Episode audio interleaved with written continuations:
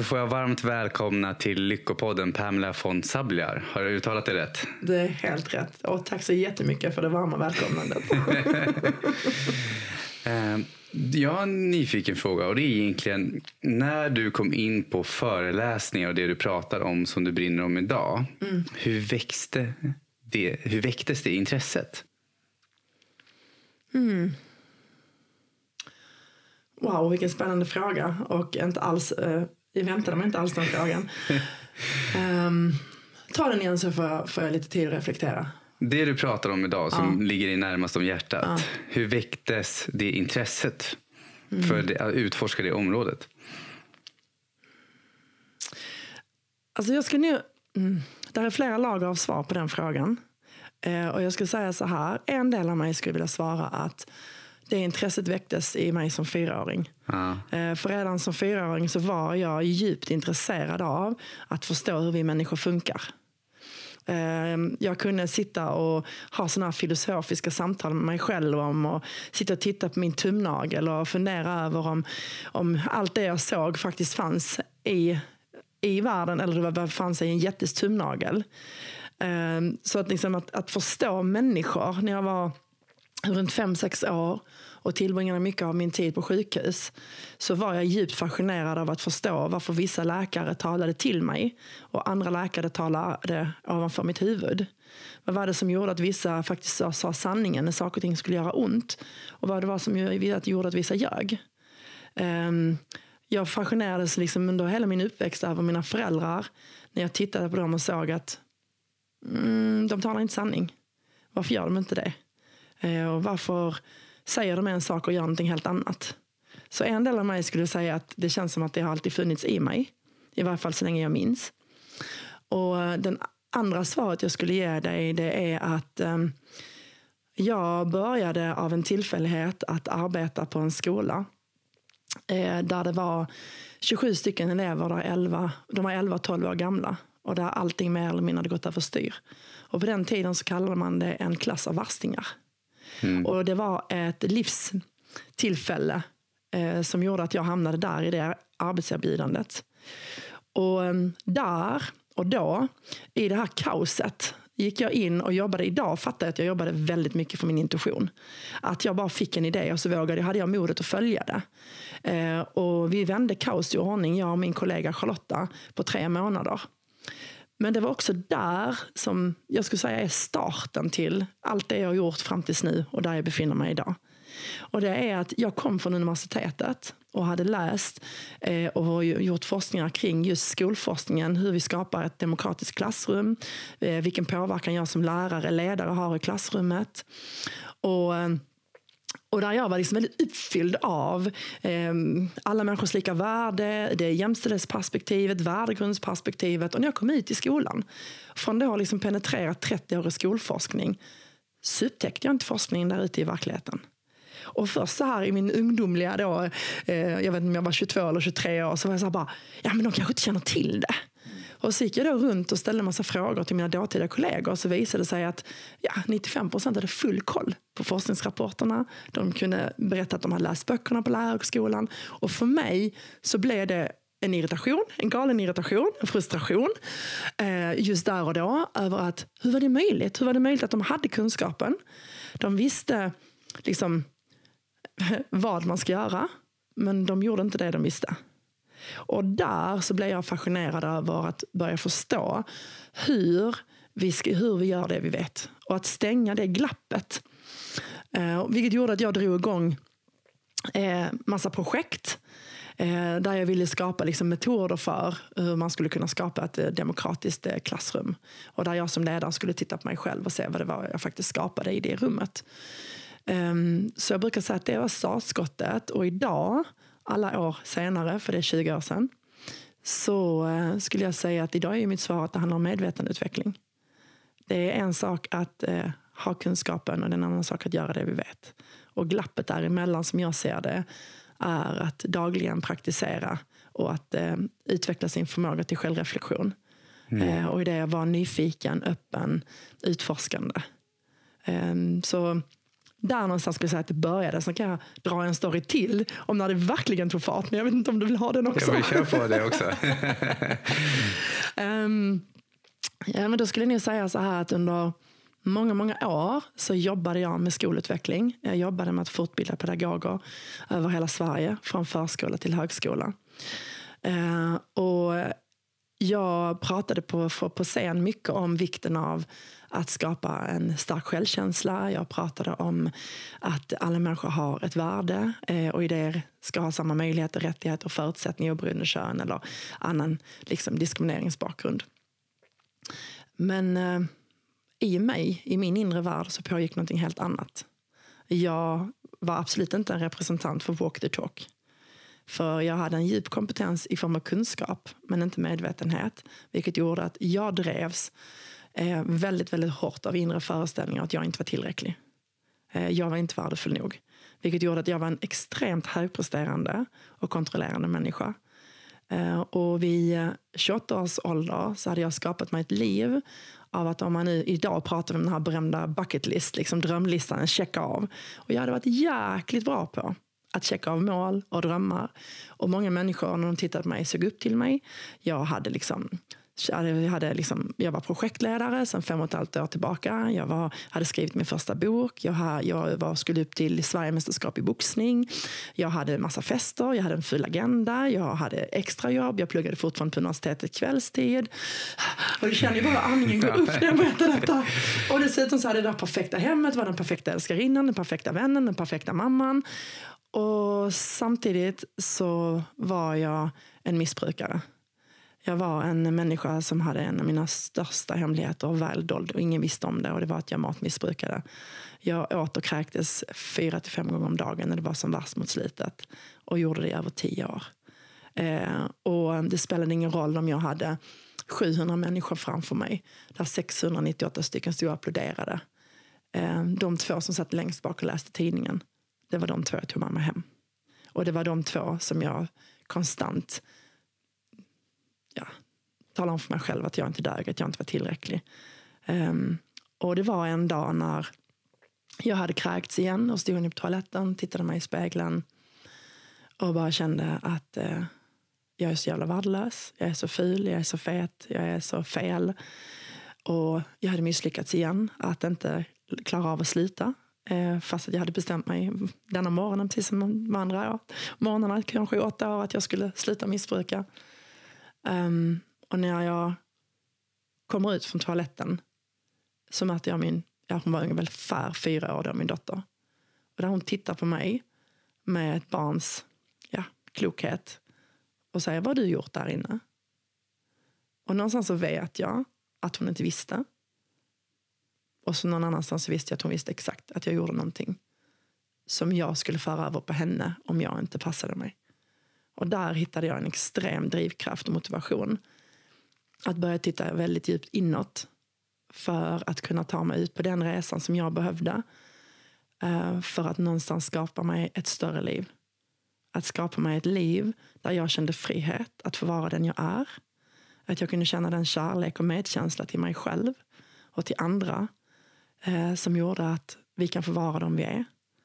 Eh, och samtidigt att bibehålla den nyfikenheten eh, och utforskandet. Eh, för att livet är ju liksom någonting som ständigt är i rörelse. Så där någonstans började en resa samtidigt som jag gjorde den här skolutvecklingsresan och samtidigt som jag såg alla dessa barn och ungdomar som blir så förtryckta i ett system, eh, i ett samhälle och där vi inte har möjligheten att frigöra vår fulla potential. Um, och i det så parallellt med min egen inre resa så började jag också titta på vad är det för systemförändringar vi behöver göra på djupet för att vi människor ska kunna utvecklas till äkta, meningsfulla och eh, connectade människor med oss själva och med varandra och med naturen. Mm. Och med liksom, ja, mänskligheten om man vill dra det så stort. Ja. Vilken häftig historia, eller mm. vart du är idag mm. och den utvecklingen du har haft under alla de här åren. Mm. Ja, det är faktiskt fett. du, jag läste också om att du jobbar ju ute mot skolor även idag. Mm. Med att hjälpa dem med att det du borde få lära dig i skolan. Mm. Kan du berätta lite mer om det? Det kan jag göra. Och då skulle jag nog vilja ta oss eh, till en eh, helhetsbild. Att eh, om vi tittar på eh, skolan eh, som system har ju som funktion att skapa goda samhällsmedborgare som har en möjlighet att vara med och bidra till samhället och någonting som är större än de själva. Både till sig själva och någonting som är större än de själva. Och tittar vi på skolsystemet så är det ungefär 200 år gammalt. Och när skolsystemet skapades så skapades, för att, skapades det för att matcha ett samhällssystem eh, som var i, under industrialismen. Vilket gjorde ju att skolan som system är ganska mycket en avbild av eh, fabrikerna. Eh, och eh, där syftet med skolan då var ju att utveckla och folkbilda eh, människorna i Sverige kring eh, de behoven som samhället hade av dåtidens samhällsmedborgare. Och ska vi då gå tillbaka, vilket som var ett av de vanligaste yrkena på den tiden, så var det drängen. Och drängen utförde enkla arbetsuppgifter. Och eh, vad man behövde av drängen som steg in i eh, fabrikerna, det var ju att den skulle kunna läsa och skriva, förstå enkla eh, instruktioner, eh, vara lojal, hålla tider och göra det som den blev tillsagd. Eh, vilket gjorde ju att eh, skolsystemet eh, hade som uppdrag att eh, få svenska folket att kunna läsa, skriva och räkna. Vilket är ett uppdrag som eh, skolan har lyckats med. Och nu, ska, nu vill jag bara liksom, ja, jag gör en förenkling, men jag gör bara en snabb översiktsbild. Men om vi tittar på så har ju vårt samhälle eh, ett par runder gått igenom en ganska snabb förändring. Och framförallt när den tekniska revolutionen gjorde sin eh, gigantiska frammarsch. Så bara de senaste tio åren så har vi ju trätt in i ett samhällsskifte eh, som vi idag kallar informationssamhället som har, som, där det vanligaste arbetsuppgiften är att vara, eller yrket är att vara programmerare. En programmerare har enkla, inte enkla arbetsuppgifter, utan en programmerare har komplexa arbetsuppgifter. Det betyder att inre motivation är någonting eh, som behövs för att vi ska kunna känna eh, att drivas framåt. Förr så behövde man yttre motivation. Men vad också som behövs idag i det samhälle som är idag, det är att vårt samhälle idag är ett samhälle med hög förändringstakt. Det är väldigt komplext. Det är väldigt mångtydigt, betyder att det är flera sanningar som är sanna samtidigt. Eh, och dessutom så är det väldigt osäkert. Det är snabbföränderligt, osäkert, komplext och mångtydigt.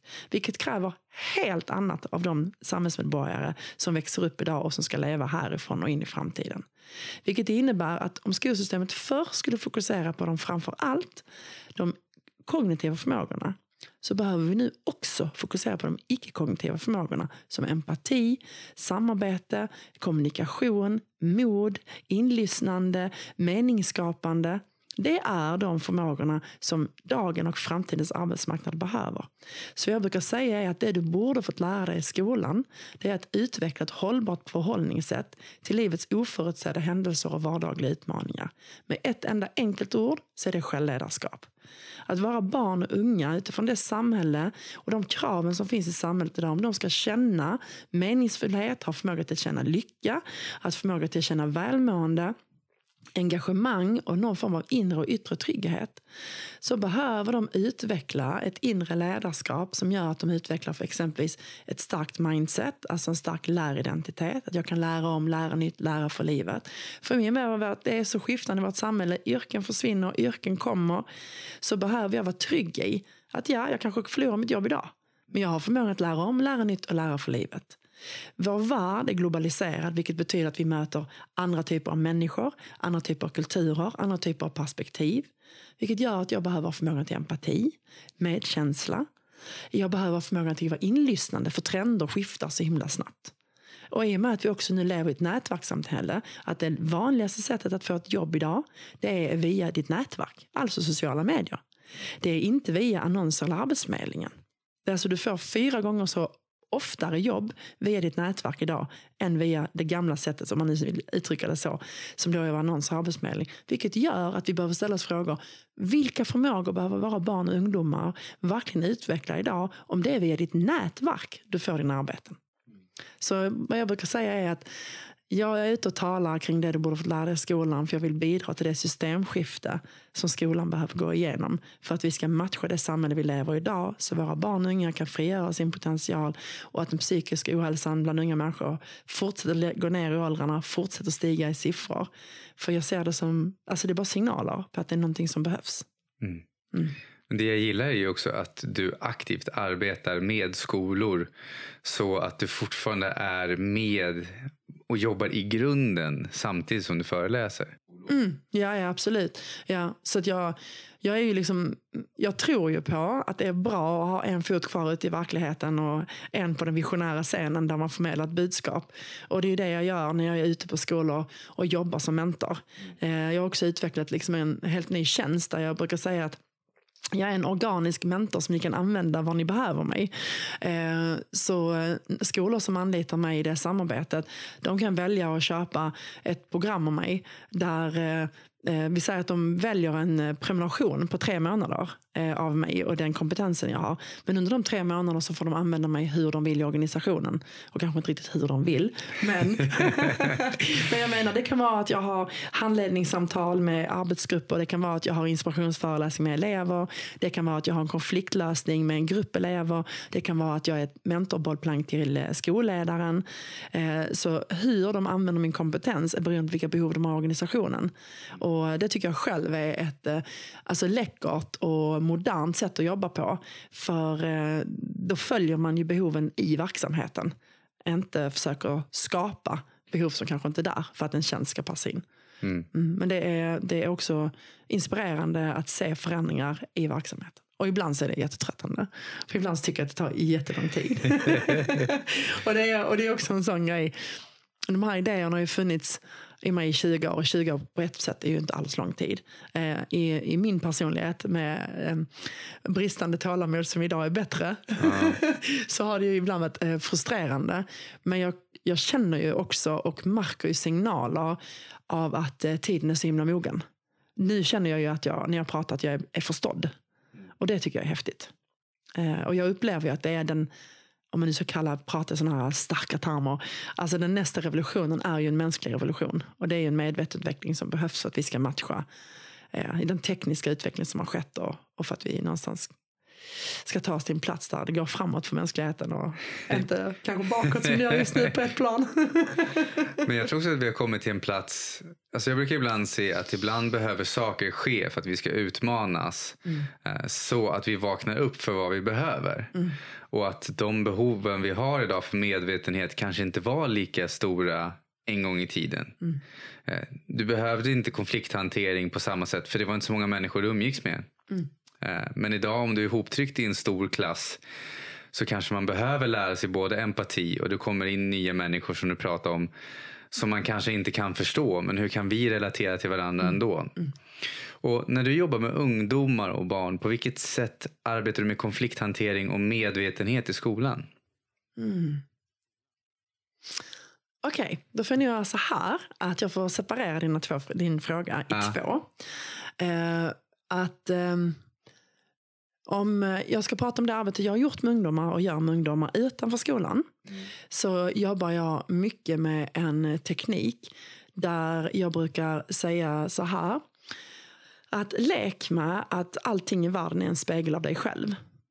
Och grunden är att du behöver stå på en plats där du bestämmer dig för att ta fullt ansvar för allting som händer i ditt liv. Alltså utveckla din förmåga till egenansvar, som då också är en icke-kognitiv förmåga. För när jag är villig att träna upp min förmåga till egenansvar och, och min förmåga till självreflektion så kan jag titta på resultat jag har i mitt liv som jag inte tycker om. Typ jag kommer för sent till bussen, jag får ett resultat på ett prov jag inte gillar, jag har en människa framför mig som är dum i huvudet.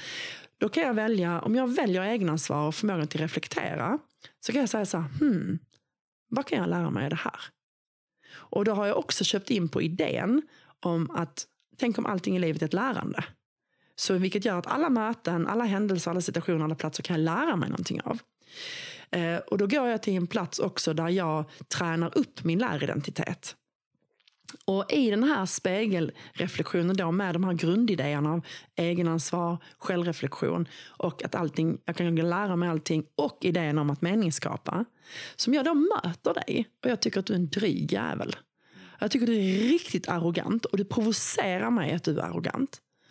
Då kan jag säga så här, hmm, för det är så att det jag ser i dig som provocerar mig, eller det jag ser i dig som inspirerar mig, finns i mig. Det som inspirerar mig, det är det som håller på att växa och utvecklas och tar riktigt så mycket större plats i mig. Det är därför jag inspireras och ser det i dig, för jag vill ha mer av det i mig själv. Eh, men det som provocerar mig, det är oftast min skuggsida. Det är den delen av mig själv jag förtrycker. Den delen av mig själv som jag inte godkänner. Den delen av mig själv jag inte kan hålla mig. Jag kan inte ta hand om, jag kan inte vara med den i mig själv. För att jag har bestämt att den är fel och att den är liksom dålig. Eh, och jag dömer den. Så då trycker jag undan den i mig och projicerar över den på dig. Och så, så kan jag hantera den i dig, fast inte i mig. Men om jag då är villig i mötet med människor att då vara nyfiken och utforskande och säga okej, okay, men om jag har ansvar för den här, den här situationen som händer, den här konflikten, att jag tycker du är dum i huvudet. Du är dryg, arrogant jävel. Om jag vill ta ansvar där och börja självreflektera och vara nyfiken och utforska kan jag säga hmm, wow, detta är ju jag. Undrar när jag är detta. Hmm. I vilka situationer, med vilka människor och vilka platser beter jag mig så här? oj, hur skulle jag vilja bli mött om jag visar den här sidan av arrogans? Skulle jag vilja att någon börjar brösta upp sig och börjar tävla med mig, men som vet mest och vet bäst?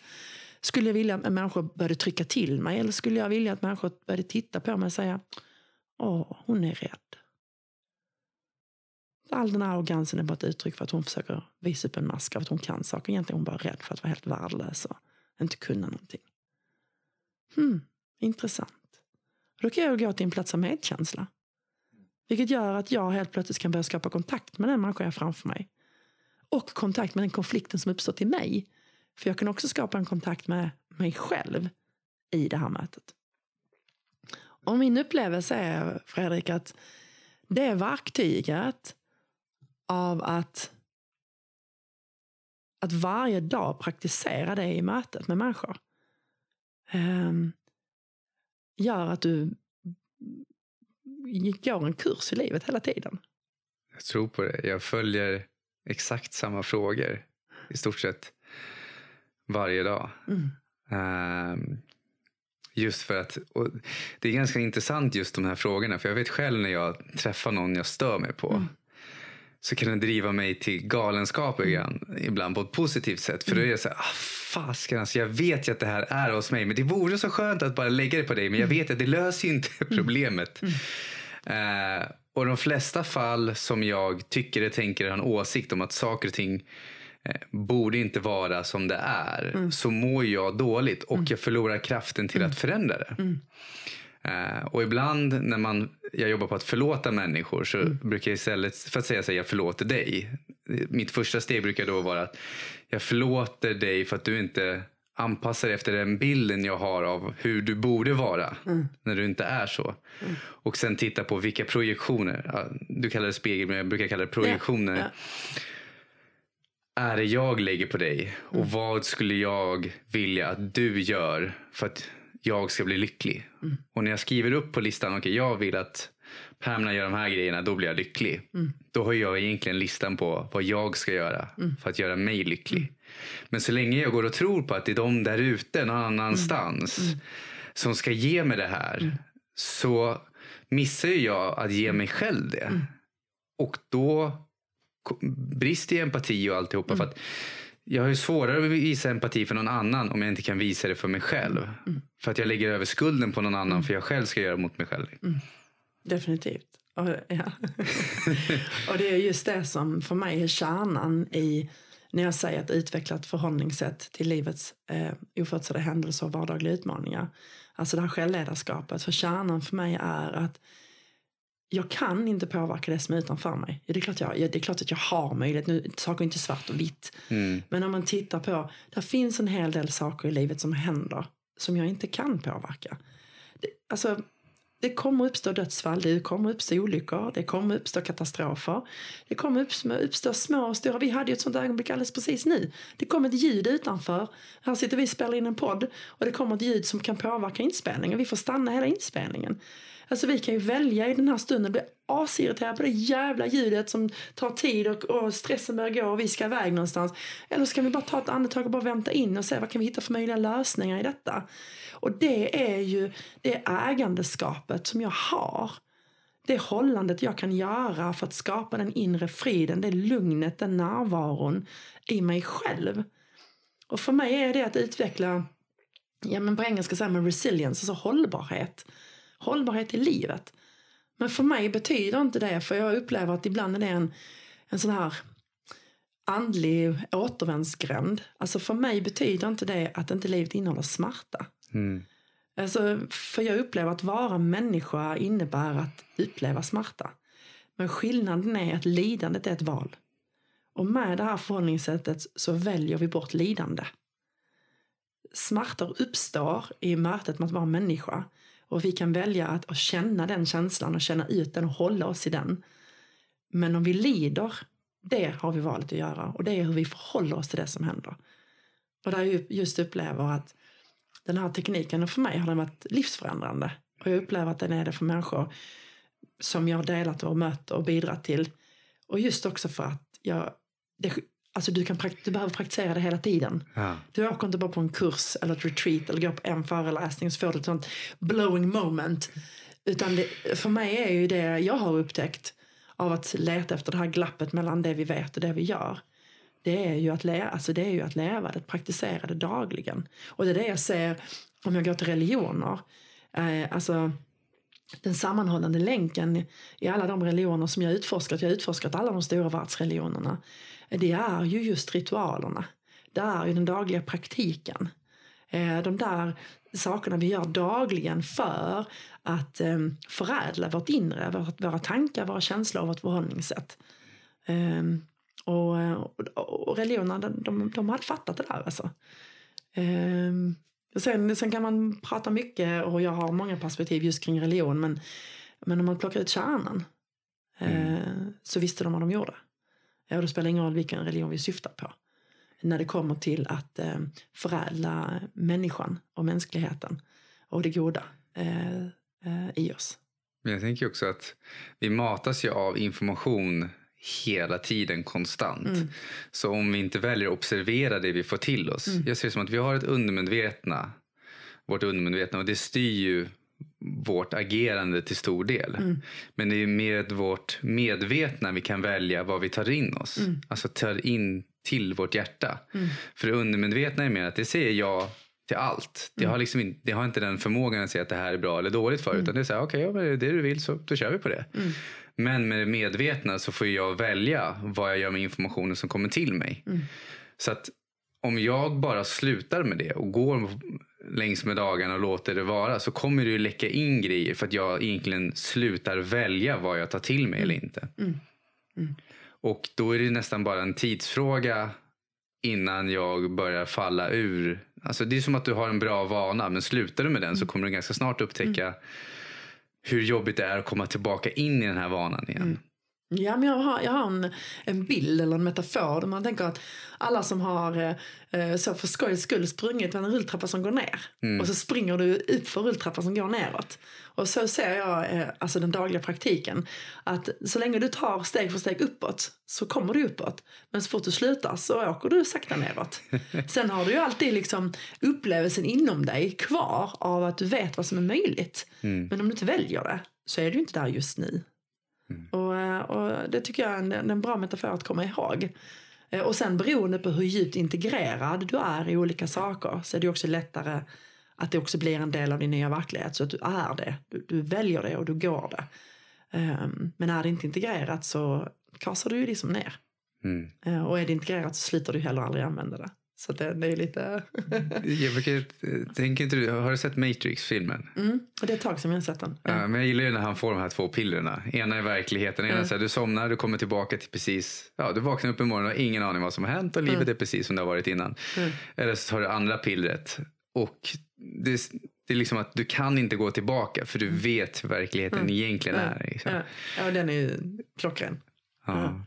Men så vill jag också säga det här att eh, Eh, för det är en annan liksom så här, återvändsgränd som, ibland ham- som man ibland hamnar i personlig utveckling. Och det är den här att, um, att ta fullt ansvar och att uh, välja att reflektera och utveckla sin förmåga till självreflektion. Och att säga att allting är ett lärande och vad kan jag skapa för mening av den här utmaningen eller det här som är framför mig just nu. Men också att ibland där så kan det bli att man inte heller sätter gränser. För att även om du är, om vi nu leker med att du var en arrogant jävel då. Alltså även om jag är villig att utforska och titta på vad i detta speglar mig. Så är det ju också viktigt att göra en tydlig gränssättning om ett agerande från en annan person inte är okej. För det kan jag ibland uppleva att ja, men jag ska vara så helig och kärlek. Jag ska bara vara ljus och kärlek och ljus och kärlek. Så att många liksom blir rädda för att sätta gränsen i rädsla för att vara omedvetna, i rädsla för att inte vara tillräckligt mycket kärlek. Och att där jag upplever att när du kommer till en plats av integrerad medkänsla, både till dig själv och andra, så är du också väldigt tydlig med här är mina värderingar, här är mina gränser, här börjar jag, här slutar jag, detta är okej, detta är inte okej. Okay. Eh, och den balansgången mellan att vara fullständigt dedikerad till att ta 100% ansvar och titta på lärandet och kunna titta på en annan människa i djup medkänsla och inte dömande samtidigt som du drar en gräns och säger det här är inte okej. Men jag dömer inte, dömer inte dig för det. Men detta är inte okej. Och fortfarande kunna liksom känna liksom en äkta känsla av, liksom av, av kärlek och medkänsla, både till sig själv och personen. Jag tror där, amen, alltså där kan jag rekommendera även för dig som uh, lyssnar. Är att jag hade ju själv, jag har gjort det misstaget en Mm. gång i tiden. Liksom, att ja, men allt handlar om mig, allt handlar om mig. Liksom. Till slut så mådde jag så skitdåligt. du vet, så här. Eh, och så, Känner igen den, copy-paste. och då var det liksom så här att den här personen lyssnar inte på mig. Det var det jag skrev på pappret. Okej, vad ska den här personen behöva göra för att jag ska må bra? Okej, personen behöver lyssna på mig. Och då fick jag, jag ved och vände på det liksom för att få till det. Och till slut så insåg jag att jag mår just nu dåligt. Framförallt, jag är inte förbannad på den andra människan. Jag är förbannad på mig själv för att jag inte lyssnar på mig. Och jag är kvar när mitt inre skriker att gå härifrån. Precis. Och det gjorde att jag mådde dåligt. Så då blev, då blev det nästa grad i speglingen. Precis. Var, Det är ju där integriteten kommer in. Ja. ja. Gränssättningen. Ja. Och då kom nästa steg i speglingen var så här att jag är rädd vad den andra personen ska tycka om mig, om mig om jag lämnar. ja, just det. Och då kom den speglingen. För det var ju egentligen jag som hade de rädslorna kring mig själv. Vad jag skulle tycka om mig om jag lämnade. Det. Så det blev liksom tvådelad steg, vad heter det, spegling. Ja, väldigt fin, eh, fint exempel. Väldigt, väldigt bra exempel. Och det är ju också så, upplever jag, men det är ju läroprocesser. Alltså det är ju steg för steg som tas. För första steget är ju bara att förstå att shit, jag ser mig själv i dig. Och sen nummer två är bara, okej vänta lite här, jag ser mig själv i dig men jag väljer inte göra det jag behöver göra och som jag faktiskt vill göra men är rädd för att göra. Så eh, det, ja. Mm, Jag tror, det, tror inte det är därför också det är så lätt att ge råd till andra. Mm. För att egentligen ser man vad man själv behöver. Mm, definitivt. Och faran, för ibland så ger man ju råd som mer är till sig själv än till den andra. Jag skulle säga nästan de flesta gånger. Och det där där är eh, vikten av att faktiskt verkligen kunna lyssna och kanske ställa fler frågor. Mm. Mm. Vad har du för nu? Vi är här på Tylösand på Connecting Universes. Mm. Vad kommer du föreläsa om idag? Ehm, jag kommer föreläsa om ett större liv från att veta till att göra. Och jag kommer dela med mig av ett par konkreta verktyg som är baserat både på eh, gammal visdom, eh, beprövad erfarenhet och moderna forskningsinsikter. Eh, där jag kommer att ta avstamp i eh, en personlig berättelse eh, där jag eh, med hjälp av tacksamheten eh, kunde börja fortsätta och välja eh, mer liv eh, och mer av det jag önskade och inte det så kallade helvetet som jag själv upplevde att jag var i just då. Mm. Och sen så kommer jag också eh, efter det hålla en workshop där eh, jag kommer eh, prata utifrån just föräldrar-barnrelationen. eh, av hur jag kan använda spegeltekniken i relation till mina, till mina barn. För att ge dem möjligheten att få stanna som autentiska människor. Och där jag inte påför mina rädslor eller mina begränsningar eller mina drömmar om vilka de skulle vara. utan att faktiskt eh, eh, lyssna och eh, facilitera, alltså leda eh, dem dit de vill gå, inte dit där jag hoppas eller vill eller önskar eller tycker eller anser att de borde gå. Vilka och, tips har du där för de, jag, skulle, jag var nära på att säga att för de som är, har en förälder, men det har ju alla. för de som har en förälder eller är föräldrar, vilka tips skulle du kunna ge där för de som är nya för det här och vill börja? Hmm. Okej, okay, alltså den här är klyschig, men den är, alltså om man har den som ett mantra eller så här tankeverktyg så är den grym. Barn blir som vi är, inte som vi säger eller gör. Så det är liksom ett, nästa nivå på, man brukar säga barn, blir, barn gör som vi gör, de gör inte som vi säger. Nej, barn blir som vi är, inte som vi varken säger eller gör. Mm. Och, ehm, och med det är ju att, att vara så nyfiken på sig själv som förälder, att varje gång jag går igång på mitt barn ställa mig själv frågan, vad är jag rädd för? Vad är det jag försöker kontrollera? Vad är det jag inte kan möta i mig själv? Och låta barnen vara de fantastiska läromästare för framtiden som de är. För de är fantastiska på att spegla upp precis det du inte vill se dig själv. Mm. Mm. Jag tänker att egentligen alla människor vi har i vårt liv är fantastiska lärdomar för de trycker på de mm. knapparna mm. vi helst kanske skulle förtränga. Så att de här knapparna finns inte, mm. de, de existerar inte, de är typ ja, de fastlimmade någonstans, det går inte att trycka på dem. Men jag upplever ju själv att min mamma trycker på mina knappar. Jag gissar mm. på att jag trycker nog lika mycket på mm. hennes knappar. Och det är ett fantastiskt verktyg att expandera och komma till mm. komma vidare i en relation för man inser vad som är dina bekymmer och mina. Mm. Ja, så skulle jag också vilja säga så här att om du i början som förälder och vill liksom, ja, ge din barn en, en gåva så skulle jag säga så här, kanske lite eh, krast. Snälla, ta en eh, grundlig check på din emotionella kompetens. För är det någonting som de flesta av oss föräldrar gör så är det att strypa barnens fantastiska emotionella kompetens. Alltså bara så här enkelt. Känslornas ABC. Eh, du har en känsla, en tanke. Du är inte din känsla och tanke. Alla känslor är okej. Okay. Det är ingen känsla som är bättre eller sämre, bra eller dålig. Alla är okej. Okay. En känsla kan inte tänkas bort. Den måste kännas bort. Alla känslor, även om de känns sanna just nu, så är de inte sanna. Så reagera inte på dem, utan agera på dem. Alltså, det är så basic. Jag tycker den var helt magisk.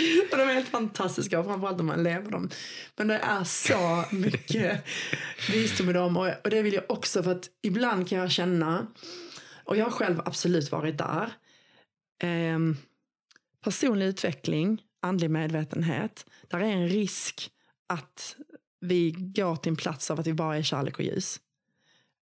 Fast vi är också a little bit of go fuck yourself. Mm. Alltså att jag brukar prata i metaforen av ljus och mörker. Eh, ljuset behövs för att mörker ska finnas, mörkret finns för att ljuset behövs. Alltså, de är en dans. Där är det här gamla market, yin yang market. Det är fantastiskt. Det är en otrolig visdom i det som de flesta av oss inte riktigt greppar hela komplexiteten i. Men att vi har ilska för att ilskan ska finnas. Den är inte ful, den är inte tabu. Vi kan välja vad vi gör med den och med medvetenhet så är det den platsen vi kommer till. Men, men att vara människa är också att vara människa med allt vad det innebär.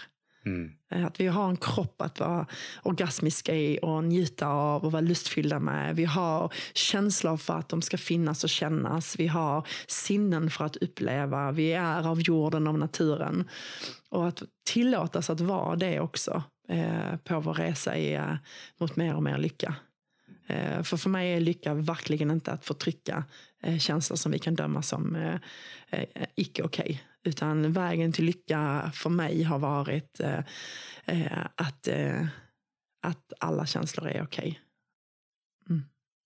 Men jag håller med dig. för att Jag tror vissa har en syn av att liksom, det ska vara okej att agera ut sina känslor. Så de fastnar i att bara agera ut, reagera ut snarare än agera. Att bara reagera ut och så fastnar de kanske i en känsla. Så att mm. de återreagerar den varenda dag. Mm. Och så finns det en del som, och jag har ju själv gjort alla de här misstagen. Mm. Eh, som kanske fastnar i att förtrycka. Nej, men jag ska inte ha de här känslorna, nu är de dåliga. Så man imploderar istället. Men det löser ju inte heller problemet. Det är, det är liksom som att det, det, det, börjar brinna här på hotellrummet och vi sitter bara, nej men eh, det ska det inte göra. Det, det, liksom, det, det borde inte brinna här. Så vi går och tar en, vi går och tar en kaffe så länge. Ett ord för det, förnekelse. Men det löser ju inte pro, pro, det, problemet. Utan Nej. det är med medvetenheten som vi kan mm. observera mm. och titta på. Om vi gör som ett exempel när vi använder medvetenheten. Det kanske gör att vi inte får sån panik så att vi bara flyr. Mm. Eller liksom fastnar och inte mm. kommer på någon lösning. Mm. Men med medvetenheten finner jag ofta fortare i alla fall. Ibland så gör jag inte, ibland kan det ta sin tid. Mm. Men ofta finner jag fortare ett lugn mm. som gör att jag kan titta mer objektivt på att inte så att det brinner, jag håller på att förlora saker. Mm. Snarare det är en eld som just nu håller på att sprakar här. Mm. Och utifrån det så kan jag ta mycket lättare för då är inte jag fast i alla grejer jag kommer förlora utav det. Nej, då, men... då, får man mer kraft till att mm. agera. Ja, men jag, ja, jag skulle kunna bygga på där för jag har ett ett själv ett väldigt konkret exempel just nu. Shoot. Ja. Eh, nej, men någon av er som lyssnar kanske hör att jag är lite så här skorrig, burkig i luftrören. Jag har just nu en eh, luftrörskatarr. Och eh, eh, det gör, eh, när det var värre, nu är jag på bättringsväg, att eh, så fort pulsen går upp så går det inte att andas. Och eh, det har gjort att jag har fått känna på en känsla som jag inte har känt sedan jag var barn och leder många fobier. Och det är en panikkänsla när det snörs åt så mycket så att jag inte får luft. Och som jag också hade många upplevelser av när jag hade svår astma som barn. Och jag kommer ihåg att när den känslan kom som barn, den här liksom, jag får inte luft och så liksom stramar det åt i bröstkorgen och så kommer liksom där någonstans panikkänslan. Alltså när jag var barn så utlöstes det ju till fullständig panik. Och det intressanta då utifrån vår biologi är ju att jag bara totalt saboterade mig själv ännu mera. Det blev mer panik av att jag blev panik av paniken. Men idag när liksom den har uppstått nu då, liksom senaste veckan så bara oj, tänkte gud, det är så här det kändes. Jag har inte känt det på jättemånga år. Jag visste inte ens att den känslan fanns kvar i mitt system. Och jag bara wow. Men nu på grund av min medvetenhet så kan jag, okej okay, jag behöver lugna pulsen. Och så kan jag andas och så kan jag bara liksom sänka ner hela mig själv ner till ett lugn. Tänka så på grön mossa, natur, vatten och så här. Och så, så lugnar hjärtat sig. Och så plötsligt känner jag hur den där känslan försvinner. Och så kommer andningen få lite mer utrymme. Och det är liksom ett väldigt konkret exempel blev jag på det du precis beskrev. Hur min medvetenhet idag kan hjälpa mig i samma tillstånd men kan välja helt två olika vägar. Och precis som att får jag ett parkeringsböter idag i och med att jag har tränat i så många år av vad kan jag lära mig av det här? Så hinner ju inte ens gå en signal till mitt känslosystem. För att det är så automatiserat i mig. Okej, okay, jag lära mig det här. Så det går inte ens igång en reaktion. Uh, och, och, det är ju den möjligheten vi också har när vi tränar ett starkt liksom, tankesätt. Det är ju att vi kan fånga oss själva innan känslan triggas. Och där kan vi använda tankens kraft och liksom bygga vidare på att använda då de bra tankarna som gör att jag inte går och skapar en känsla. Men när känslan slår på, hinner den slå på, då måste jag känna ut den. Mm. Och då måste jag vara okej okay med att jag är en människa som har alla aspekter av känslor. Och så ta några andetag. Men att känna ut den, som du sa, det betyder inte att reagera ut på den. Det betyder att andas, vara närvarande med mig själv så att jag känner det jag känner i mig. Det har inte jag att jag måste slå i väggar eller jag måste ringa någon eller jag måste gråta. Alltså, känn ut den. Och då försvinner den ju. Det är bara att titta på de små barnen. Alltså de känner ju hur mycket som helst i loppet av fem minuter. Men de fastnar inte i det. Mm. Mm. Det var en bra jämförelse eller förklaring skulle jag snarare säga. Mm. Sen så tänker tror du också på det här att ibland så är ju saker som vi upplever som dåliga idag. Om tre år kanske vi tittar på det och bara tack gode gud att mm. det där hände. Jag är mm. så tacksam för det. Mm. Eh, det brukar jag använda som ett verktyg när saker skiter sig i min tolkning. Mm. Mm. För jag har ju lärt mig nu att det är min tolkning som skiter sig av hur det ska gå till när det här problemet löser sig. Mm. Uh, men då är det kanske först flera år senare som jag förstår att Aha, det ledde till det som gjorde att idag är jag här. Vilket jag är jättetacksam för. Men det hade jag inte varit om det inte vore för att det här som jag tolkade som jobbigt hände. Hur, ja. Vad sa du? Jag Hur precis. hanterar du själv sådana? Nej men tyvärr, det kan inte bli en dynamik här mellan oss för jag tycker likadant. nej, nej men alltså, jag, jag, jag har ett citat av Steve Jobs i huvudet som jag inte kommer ihåg helt. Men jag vet att han har sagt någonting liknande. Att It's when you're looking back you can connect the dots. You can't connect the dots looking forward, you can only connect the dots looking backwards. Tack, tack. Precis, det var det jag syftade på. Eh, eh, så perfekt. Ja. jag bara tänk här, om min tolkning hade gjort att jag inte hade valt att uttrycka detta för att jag inte hade haft rätt. Men att jag vågade ändå börja uttrycka det här citatet och så kunde du bara bygga på det sådär jättesnyggt. Så blev det ett fantastiskt fint samskapande. Det är också ett konkret exempel i stunden på att min tolkning hade kunnat hindra mig från att uttrycka någonting som gjorde att alla ni som lyssnar inte hade fått höra det där jävla grymma citatet. Som jag tycker dessutom är supersant. Um, och där upplever jag ju att just förmågan till meningsskapande um, skapar ju ett utvecklande av... Uh, jag menar om, om förmågan till att titta på allting, att allting i livet är ett lärande, så utvecklar det också förmågan till acceptans. Den idén utvecklar förmågan till acceptans. Så upplever jag att meningsskapande utvecklar också en förmåga till tillit. Och, eh, och det upplever jag har gjort jättestora förändringar för mig i mitt liv. Och att kunna släppa mycket min tolkning av världen utifrån en perfektionist. Att eh, det är okej okay, att det som händer händer. Och att jag kan vila en trygghet av att allting kommer att bli bra. Och att allting kommer att bli bra betyder ju inte att jag får det resultatet jag vill ha. Men det betyder att jag kommer lära mig det jag behöver för att kunna fortsätta framåt och i det kunna skapa mer av det jag vill ha.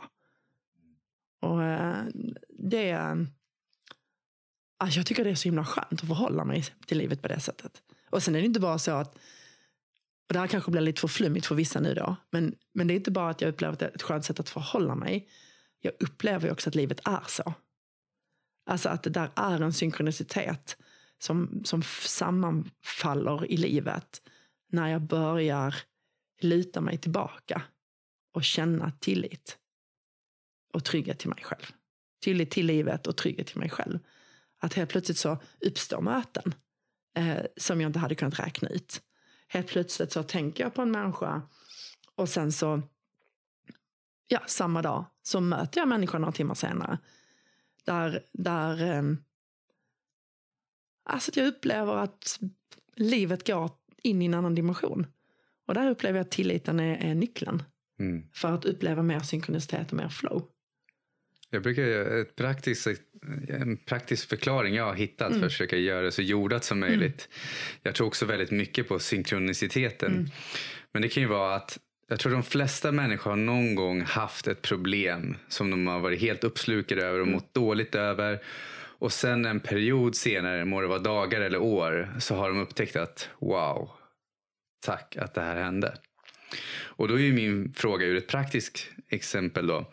Om det ändå har hänt några gånger förut, eller åtminstone någon gång, finns chansen att det kan hända igen?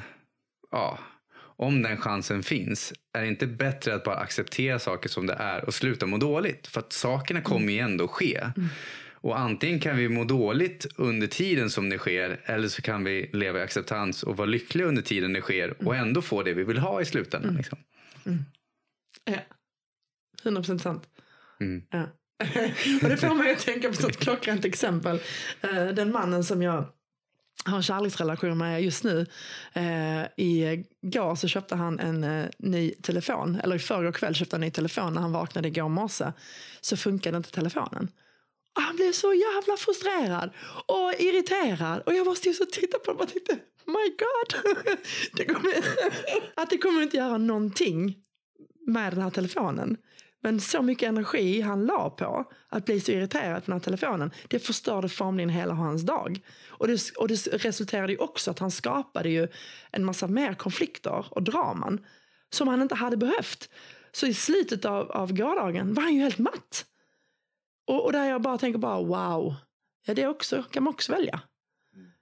Men man kan också välja att vara precis där som du uttryckte. Jag kan inte göra någonting åt det just nu. Så om jag kan göra någonting åt hur jag väljer att relatera till det och reagera på det. Och i det vara i acceptans för det. Och i där någonstans så kommer vi tillbaka till att vara i tillit till att det kommer bli bra. Mm. Och det är där jag upplever att det är ett sånt typexempel. Att, att ha tillit i den situationen gör ju att jag får träna acceptans. Vilket gör ju i förlängningen att jag får mer av det jag behöver. Om det nu är så att jag har satt mig iväg att gå på en, på en väg där jag vill komma till mer välmående, mer lycka, mer harmoni eller mer balans. Mm. Då är det inte det viktiga att telefonen funkar. Utan det är vad jag utvecklar i relation till att den inte funkar eller funkar. Ja.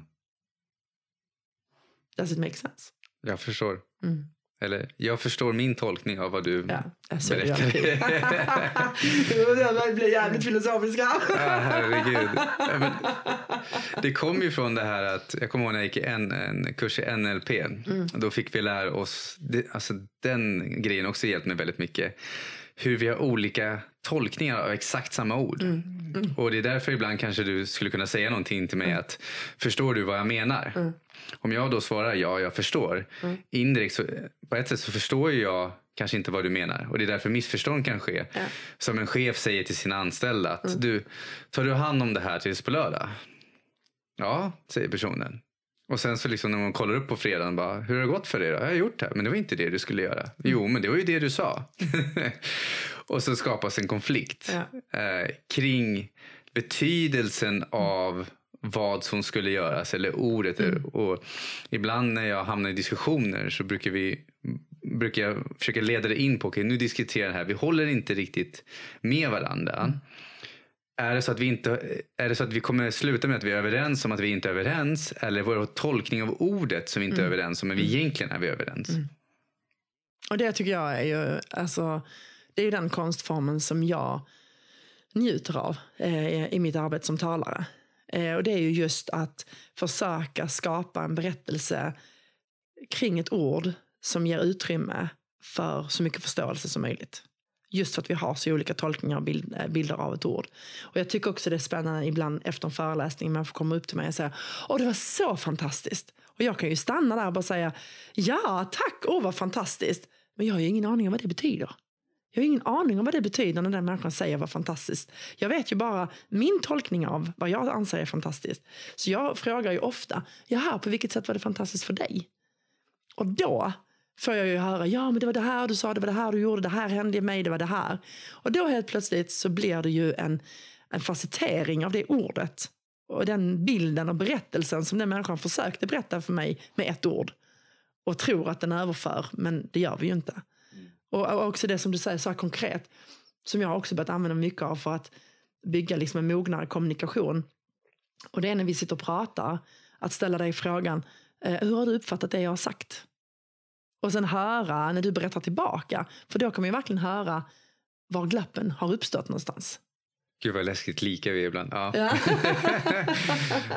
så det, och sen den andra som jag vill bara så här, som har hjälpt mig mycket på vägen, eh, som också är mycket mitt arbete med ungdomar, det här med att utveckla tillit. Eh, eller att, ja men ofta så är det inte förrän i efterhand man kan liksom connecting the dots och säga att ja, ja men det är ju precis som det ska vara. Eh, det är, vad är det värsta som kan hända? På vilket sätt kommer det här att betydelse om 400 år? För det är också någonstans att avdramatisera alltså allvaret i, i de sakerna som sker. Det är ju ganska få saker som har så jäkla stor betydelse i ens liv i långa loppet som vi faktiskt ger det i stunden. Mm. Uh, och, och där också...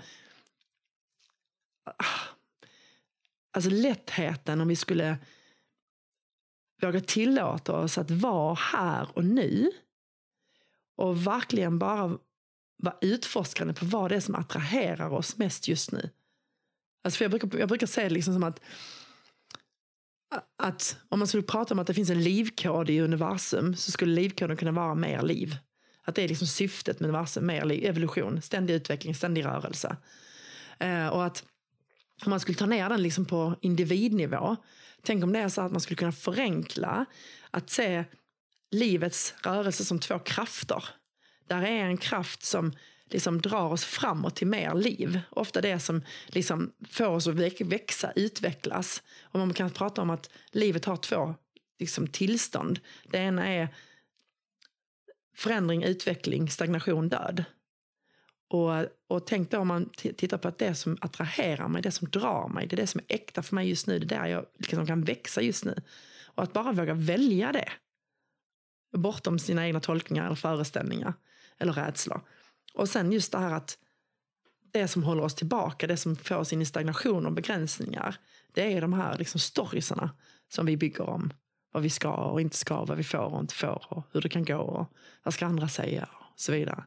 Och den, att, eh, att, att vara på platsen av att ja men allting är ett helvete just nu, men utforska det då. Omfamna det då. Ja men allting är så jävla underbart nu, ja men omfamna det då. Jag hade en sån jäkla häftig, liksom just på det här temat, upplevelse när jag fick massage eh, för eh, någon, några månader sedan. Och jag hade en sån riktig, riktig muskelknyta i ena sätesmuskeln. Och du vet, jag kunde riktigt se inom mig hur jag, när hon tryckte och det gjorde så jävla ont. Och du vet, jag kunde nästan känna så här, åh jag vill bara att det ska släppa, jag vill bara att det ska släppa, jag vill bara att det ska släppa. Jag ville liksom bara bort ifrån det. Men då jobbade jag ju emot det. Jag, jag omfamnade ju inte och bara var med det. Och sen så liksom släppte det. Och så kom det och så ville det vara så jäkla skönt. Och hela kroppen blev jättenärvarande, det blev jättemeditativt och massa energi på det stället som hade gjort ont. Och jag bara, åh jag vill bara vara kvar, jag vill bara vara kvar, jag vill bara vara kvar, åh vad skönt. och när jag hörde den inre dialogen, när jag reflekterade, vad håller jag på med? Så insåg jag att jag utforskar ju inte. Jag tillät ju inte mig själv att bara vara, och omfamna. Och det är det jag tror är, alltså för mig är det en av de stora nycklarna för mer lycka. Och det är att omfamna och utforska precis det som är. Oavsett om jag dömer det som bra, som dåligt, rätt, fel. Utan jag kan bara liksom se det som ljust och mörkt. Båda behövs. Inget ska förtryckas. Inget är bättre, inget är sämre. Och bara tillåta mig att utforska det neutralt. Vara med det, uppleva det, tillåta det försvinna tillåta det komma tillbaka. För mig är det mm. essentiellt. Jag förstår dig. Eller jag mm. förstår min tolkning av dig. Ja, vi ska inte gå in på det igen. om människor, det är dags att runda av strax. Och om människor vill veta mer om dig och det du gör så vet jag att du har ljud, eller meditationer på Storytel, Nextory, Bookbeat. Uh, där kan de hitta dig. Och vill de lyssna gratis på det i 30 dagar så kan man gå in på lyckopodden.se tips. Får ni en kampanjkod som gör att man kan lyssna på dem. Men vilka fler ställen kan man lära känna dig bättre på? Mm, jag har också en ljudbok på samma kanaler som du precis har nämnt och även Bokus eh, som heter Älskar du dina misslyckanden? Som, eh, där jag delar eh, berättelser ur mitt liv eh, kring inspiration kring livet. Men sen så kan du också hitta mig på min hemsida eh, pamelafonsabliar.com du kan också, eh, där du kan boka mig som talare eller mentor till din skola eller företag eller till dig som individ. Eh, och sen har jag också ett eh, kurskoncept som heter Unfold Transformation. Där du kan åka på en veckas kurs i avancerad självkännedom. Och jag har även kurser för unga människor i mitt kursprogram Nexus Leadership Initiative.